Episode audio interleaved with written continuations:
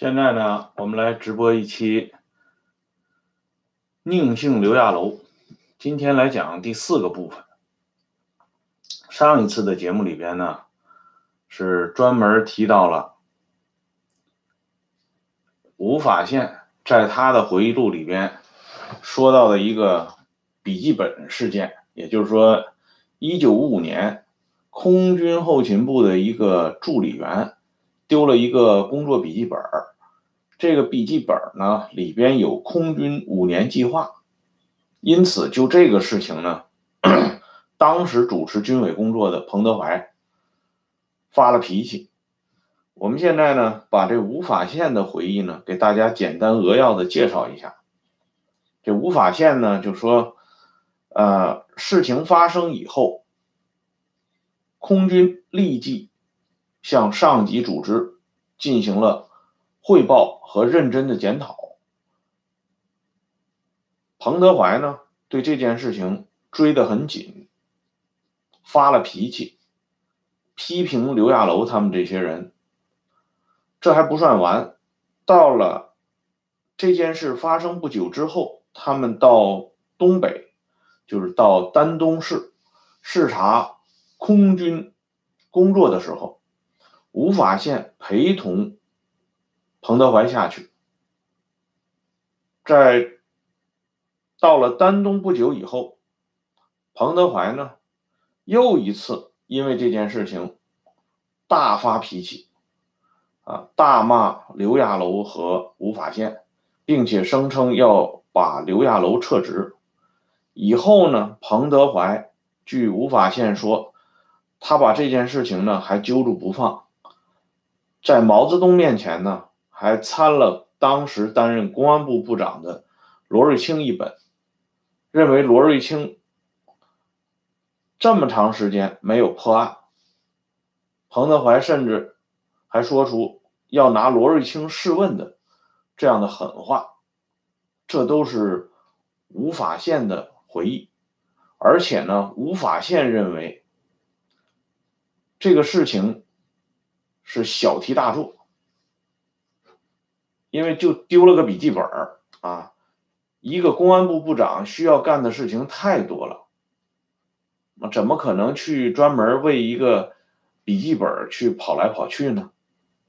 这是吴法宪的回忆。可是呢，吴法宪没有向我们交代彭德怀为什么发脾气，或者说彭德怀发脾气的全部背景资料。在这里呢。我们有必要对这个吴法宪做一下小小的说明。吴法宪这个人，我们都知道，在中共党史和军史上，他有一个著名的外号，叫“草包”。但是这个人呢，我们发现，尽管能力平平，没有。指挥过任何一场有声有色的军事战役，却官运亨通，在五十年代初期就爬上了空军政治委员这么高的位置，而且呢还被授予中将军衔。历史上著名的胡锡树托事件，居然找不到了。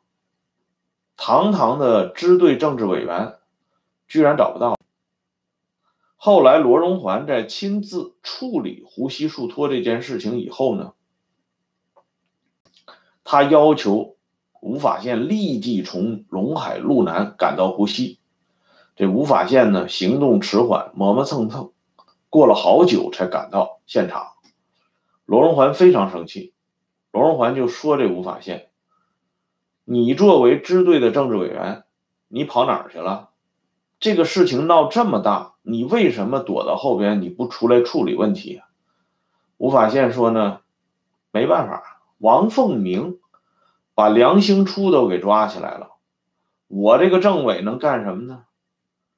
这罗荣桓一听就生气了。罗荣桓说：“你说这种话，你还是个共产党员吗？你政委是干什么吃的？好了，你政委别干了。所以呢，罗荣桓就把吴法宪从政治委员的位置降为政治部主任。这是吴法宪在这种大是大非的党内斗争面前所做的这第一次这种表演。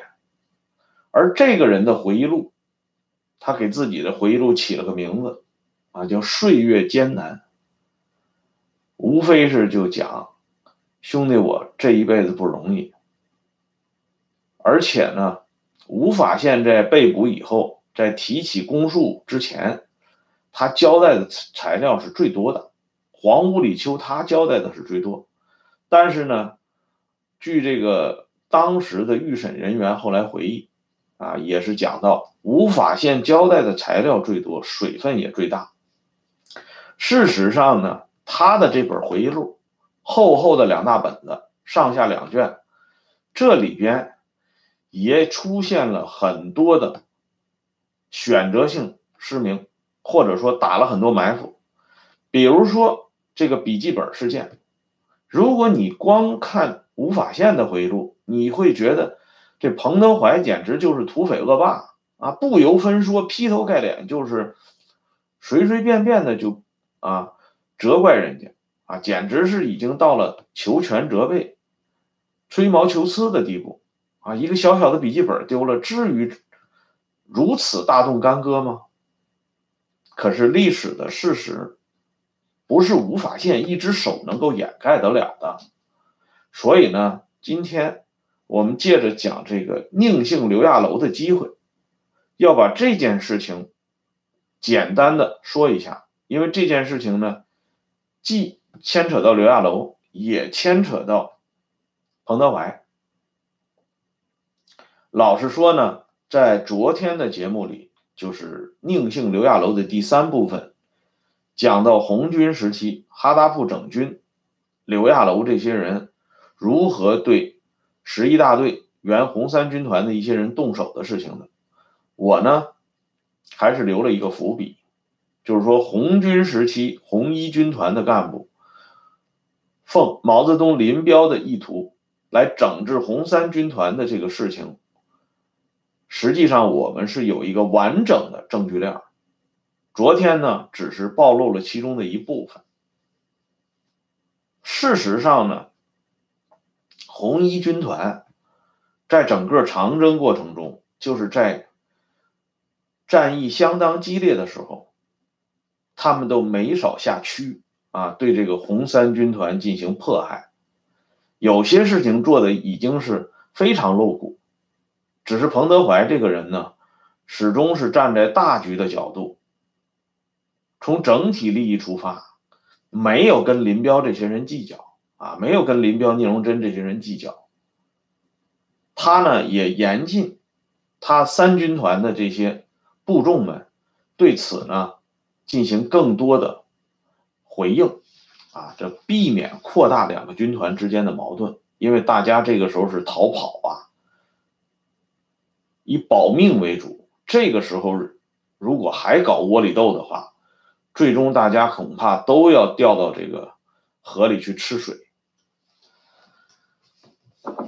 我给大家看一本书啊，这本书呢是这个一二年、一三年那个时候比较流行的这么一个回忆录，就是张爱萍的儿子张胜写的《从战争中走来》这本回忆录。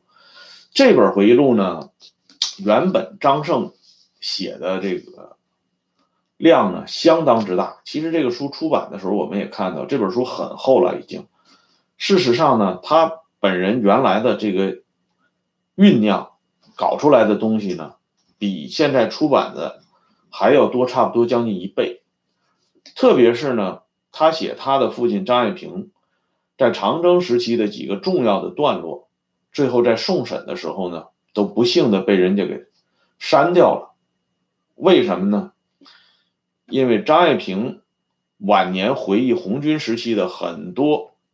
事实就直接戳到了红一军团的肺管子上，等于说从侧面暴露出当时红一军团的那些领导人们的险恶用心。这里呢，我们就来举一个例子啊，我们都知道，在一九三五年一月二十七号，红军。的军事指挥权呢，这个时候已经发生了变化。毛泽东呢，在遵义会议上重新回到了中央书记处的行列里边。现在一般都说为重新选举为中央政治局常委，实际上呢是回到了书记处。然后呢，他取得了部分的军事指挥权，还没有取得全部。所以在一月二十七号这一天呢。发生了毛重回军事岗位上指挥的第一场非常关键的战役，就是土城战役。这个土城战役打击的对象呢，是当时国民党军担任川南剿匪总指挥部预备队指挥郭勋祺所部。这郭勋祺呢，实际上同共产党之间早就眉来眼去，暗通款曲，到了。四十年代中后期发动的三年内战里边，郭勋祺干脆就图穷匕见了，啊，后来就彻底投靠了共产党。他当时呢，所部是三个旅，将近九个团，追击这个红军。一军团当时得到情报有误，啊，把这个旅三个旅翻译成三个团。这样呢，因为这个情报有误，就导致在军事指挥上出现判断失误。而这个时候呢，毛因为是很长时间没有直接指挥军队，重返岗位以后呢，对方方面面要有一个熟悉的过程，所以这个土城战役，毛指挥不力。而下边呢，具体到红五师。师长李天佑严重失职。这个李天佑呢，我们都知道啊，这是很让这些哈林派啊吹捧林彪这些人的人所神往的一个人啊。经常呢，我们能看到什么四野虎将李天佑传奇啊，包括网上流传的乱七八糟的关于李天佑的种种的被夸大的事实，简直是目不忍睹。这个李天佑在土城战役里边表现相当恶劣，所以呢，在追究责任的时候，彭德怀毫不犹豫的就把他撤了职了。这个土城战役失利呢，杨尚昆的回忆录里边做过一个专门的交代，他是分两段来交代的。后来在会理的这一段呢，会理会议的这一段，杨尚昆还提到这个土城战役，他说土城战役啊。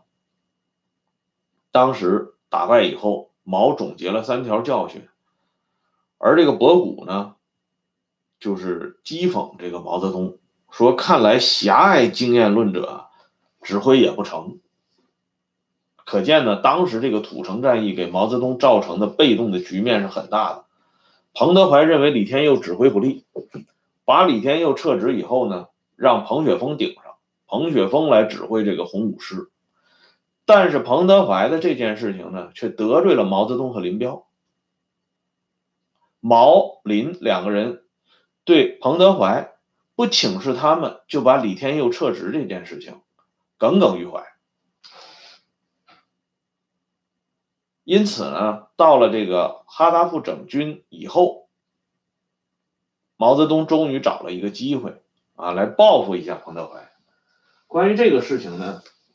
在王平的回忆录里边，也有一个隐藏的伏笔啊，我给大家看一下。他说呢，红军啊从吴起镇出发，到达甘泉以南地区和陕北红十五军团会师。这以后呢，中央红军和红十五军团合编为红一方面军，然后呢下辖红一军团和红十五军团。可是当时彭德怀主动提出要把红三军团并入这个陕甘支队，取消三军团的番号。那个时候毛是做了承诺的，说将来有机会三军团的番号是要恢复的。可是这回整编以后的红一方面军呢，红三军团的番号没有被恢复，不仅没有被恢复呢，反而做了几件事情比较让人感到恶心啊，因为呢。这次改编没有再恢复三军团的番号。首先是毛失失失信，再一个呢是彭德怀从大局出发，主动提出来三军团的番号不要恢复了。彭德怀之所以主动提出，是毛耍的一个花招。毛专门找了彭德怀谈话，啊，谈的很亲切啊，说老彭，你看现在呢。这个情况就是这样，哎，下边呢两个军团啊等等，这个话说的很长啊，有专门的记载，我这里呢就不给大家重复了。实际上是毛耍的花招，逼彭德怀，他知道彭德怀这个人啊一心为公，他也料定彭德怀会主动顺着他的这个思路说出来啊，那三军团就不要恢复了，不要考虑我个人的啊得失啊。什么这些东西，不要考虑这个这个山头方面的利益，要考虑全局。这是彭德怀当时说的原话大意。所以毛泽东啊非常高兴，说关键时刻还是老彭同志站得高看得远，给彭德怀戴了好几顶高帽子。然后呢，请彭德怀马上提出向军委申请不要恢复三军团，这实际上是给彭德怀挖坑。不仅如此呢，这个王平还回忆，干部的使用安排上呢，原红三军团的同志是有意见的，如把熟悉三军团部队的一些干部调走，像张爱萍这样有能力的干部给安排到军团政治部当干事，而把红一军团被撤职的一名干部安排到红四红四师啊四师啊，大伙儿听住啊，当副师长。都是不合适的，这是王平回忆录里边交代的。但是这里边王平提到两个关键的环节啊，一个是把张爱萍调走到军团政治部去，一个呢是把一个被撤职了的干部弄过来当副师长，主力师当副师长啊。我们为什么说？张爱萍打了伏，呃，王平打了伏笔呢。我们先来说第一件事张爱萍被弄到军团部。实际上，张爱萍为什么从一个主力团团长给弄到军团部去当宣传干事？那是因为张爱萍同当时的红一军团的某些人。发生了直接的冲突，而且呢，他不是到政治部去当一般的干事，当什么干事？当统计干事。那时候有什么需要统计的？说白了，就是变相撤职。这个过程是怎么发生的呢？在这个。张胜的这个回忆录里边做过交代，大家可以看看。因为那个时候呢，正好是参加一次啊会议，重要的会议，各部人马呢都要按时间到达会场。会场上面坐着毛泽东、朱德这些大人物，张爱萍呢啊是准时准点到达的。因为三军团当时的情况是很很惨的。啊，这个王平的回忆录里边已经做了介绍。队伍呢，就是衣衫褴褛、破破烂烂。他们进会场以后呢，当时在主席台的军团政治部主任就是朱瑞，后来呢，担任这东北炮兵学校的这个校长，在打锦州的时候啊，在易县踩上地雷了，给炸死了。这个朱瑞。这个人呢，当时是重新整编之后的红一军团政治部主任。此人呢是林彪的亲信，他后来在山东失宠，那是因为那个时候林彪人不在国内，所以呢，朱瑞被他们幺幺五师的这些人，山东革命根据地的这些人撕咬、攀咬，把这朱瑞呢给调回延安去了，进行了沉痛的检查。等到林彪重重整旗鼓以后呢，拉着人马到了东北以后，朱瑞马上又重新受到重用。在我们都知道啊，在上个世纪八十年代末、九十年代初，曾经有过一本禁书，就是张正龙写的《雪白雪红》。这本书里呢，对朱瑞进行了吹捧。当然，这本书整个就是吹捧林彪的。但是呢，大家不知道这个朱瑞，那也是整人相当厉害的，啊，这个朱瑞当时看到张爱萍就说：“你们这个啊，这个部队啊，就是邋邋遢遢啊，就把张爱萍呢给骂了一顿。”张爱萍一听就火了，因为你要是骂张爱萍本人，那还在其次。啊，你直接骂人家这支部队，你这种作风就有点问题了。所以张爱萍就跟朱瑞顶嘴了。这个时候毛泽东在台上，毛后来回来就说：“说怎么会有这种人呢？就是说张爱萍这种人，这种人怎么还能带部队呢？这样就把张爱萍给撤职罢官了，弄到军团政治部去。啊，你不是跟朱瑞顶嘴吗？”那就给你弄到朱瑞手下去当统计干事。这个时候呢，还得说什么呢？邓小平还是啊办了件好事儿了，因为邓和张爱萍都是四川老乡。张爱萍到一军团政治部以后呢，那个时候政治部副主任是邓小平，邓小平对张爱萍那个时候呢还是挺照顾的，所以呢，张爱萍在政治部呢还算没有吃苦。以后因为战争的原因，又把张爱萍。恢复原职，继续担任团长，这是王平回忆录里边讲到的张爱萍的这一段。那么他提到另外一个撤职的干部，啊，在一军团被撤职的干部到主力师担任副师长，这件事情实际上是王平故意这么写。为什么故意这么写呢？因为我们查到了，啊，按。照中共编撰的组织史资料，我们按图索骥，在重新整编以后的啊红一军团系序列里边的这个第四师啊，他根本就不设副师长，没有这么一个副师长，那是王平记错了吗？这种事情能记错吗？因为王平当时是这个红四师。党务委员会委员，他能不知道这个师有没有副师长吗？这是王平故意这么写的。正是因为他故意的这一笔，才引起了我的关注。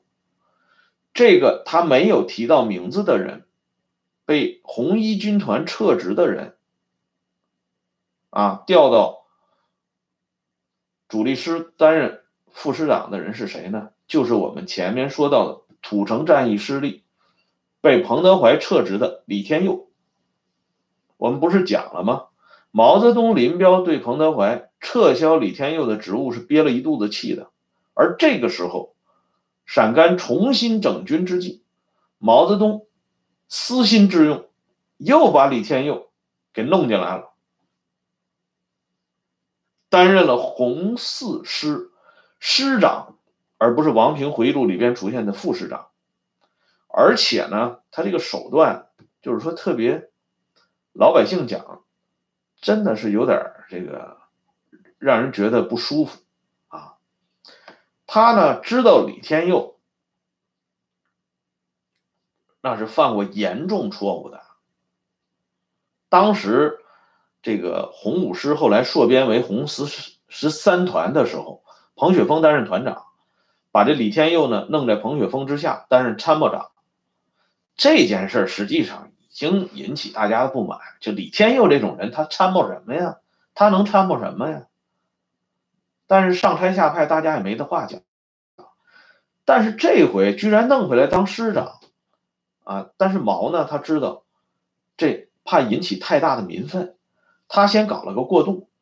三六年八月，就是三六年夏天，王平呢，这个党务委员会委员这个职务到期了，把王平给调走了，从这个主力师啊调走以后呢，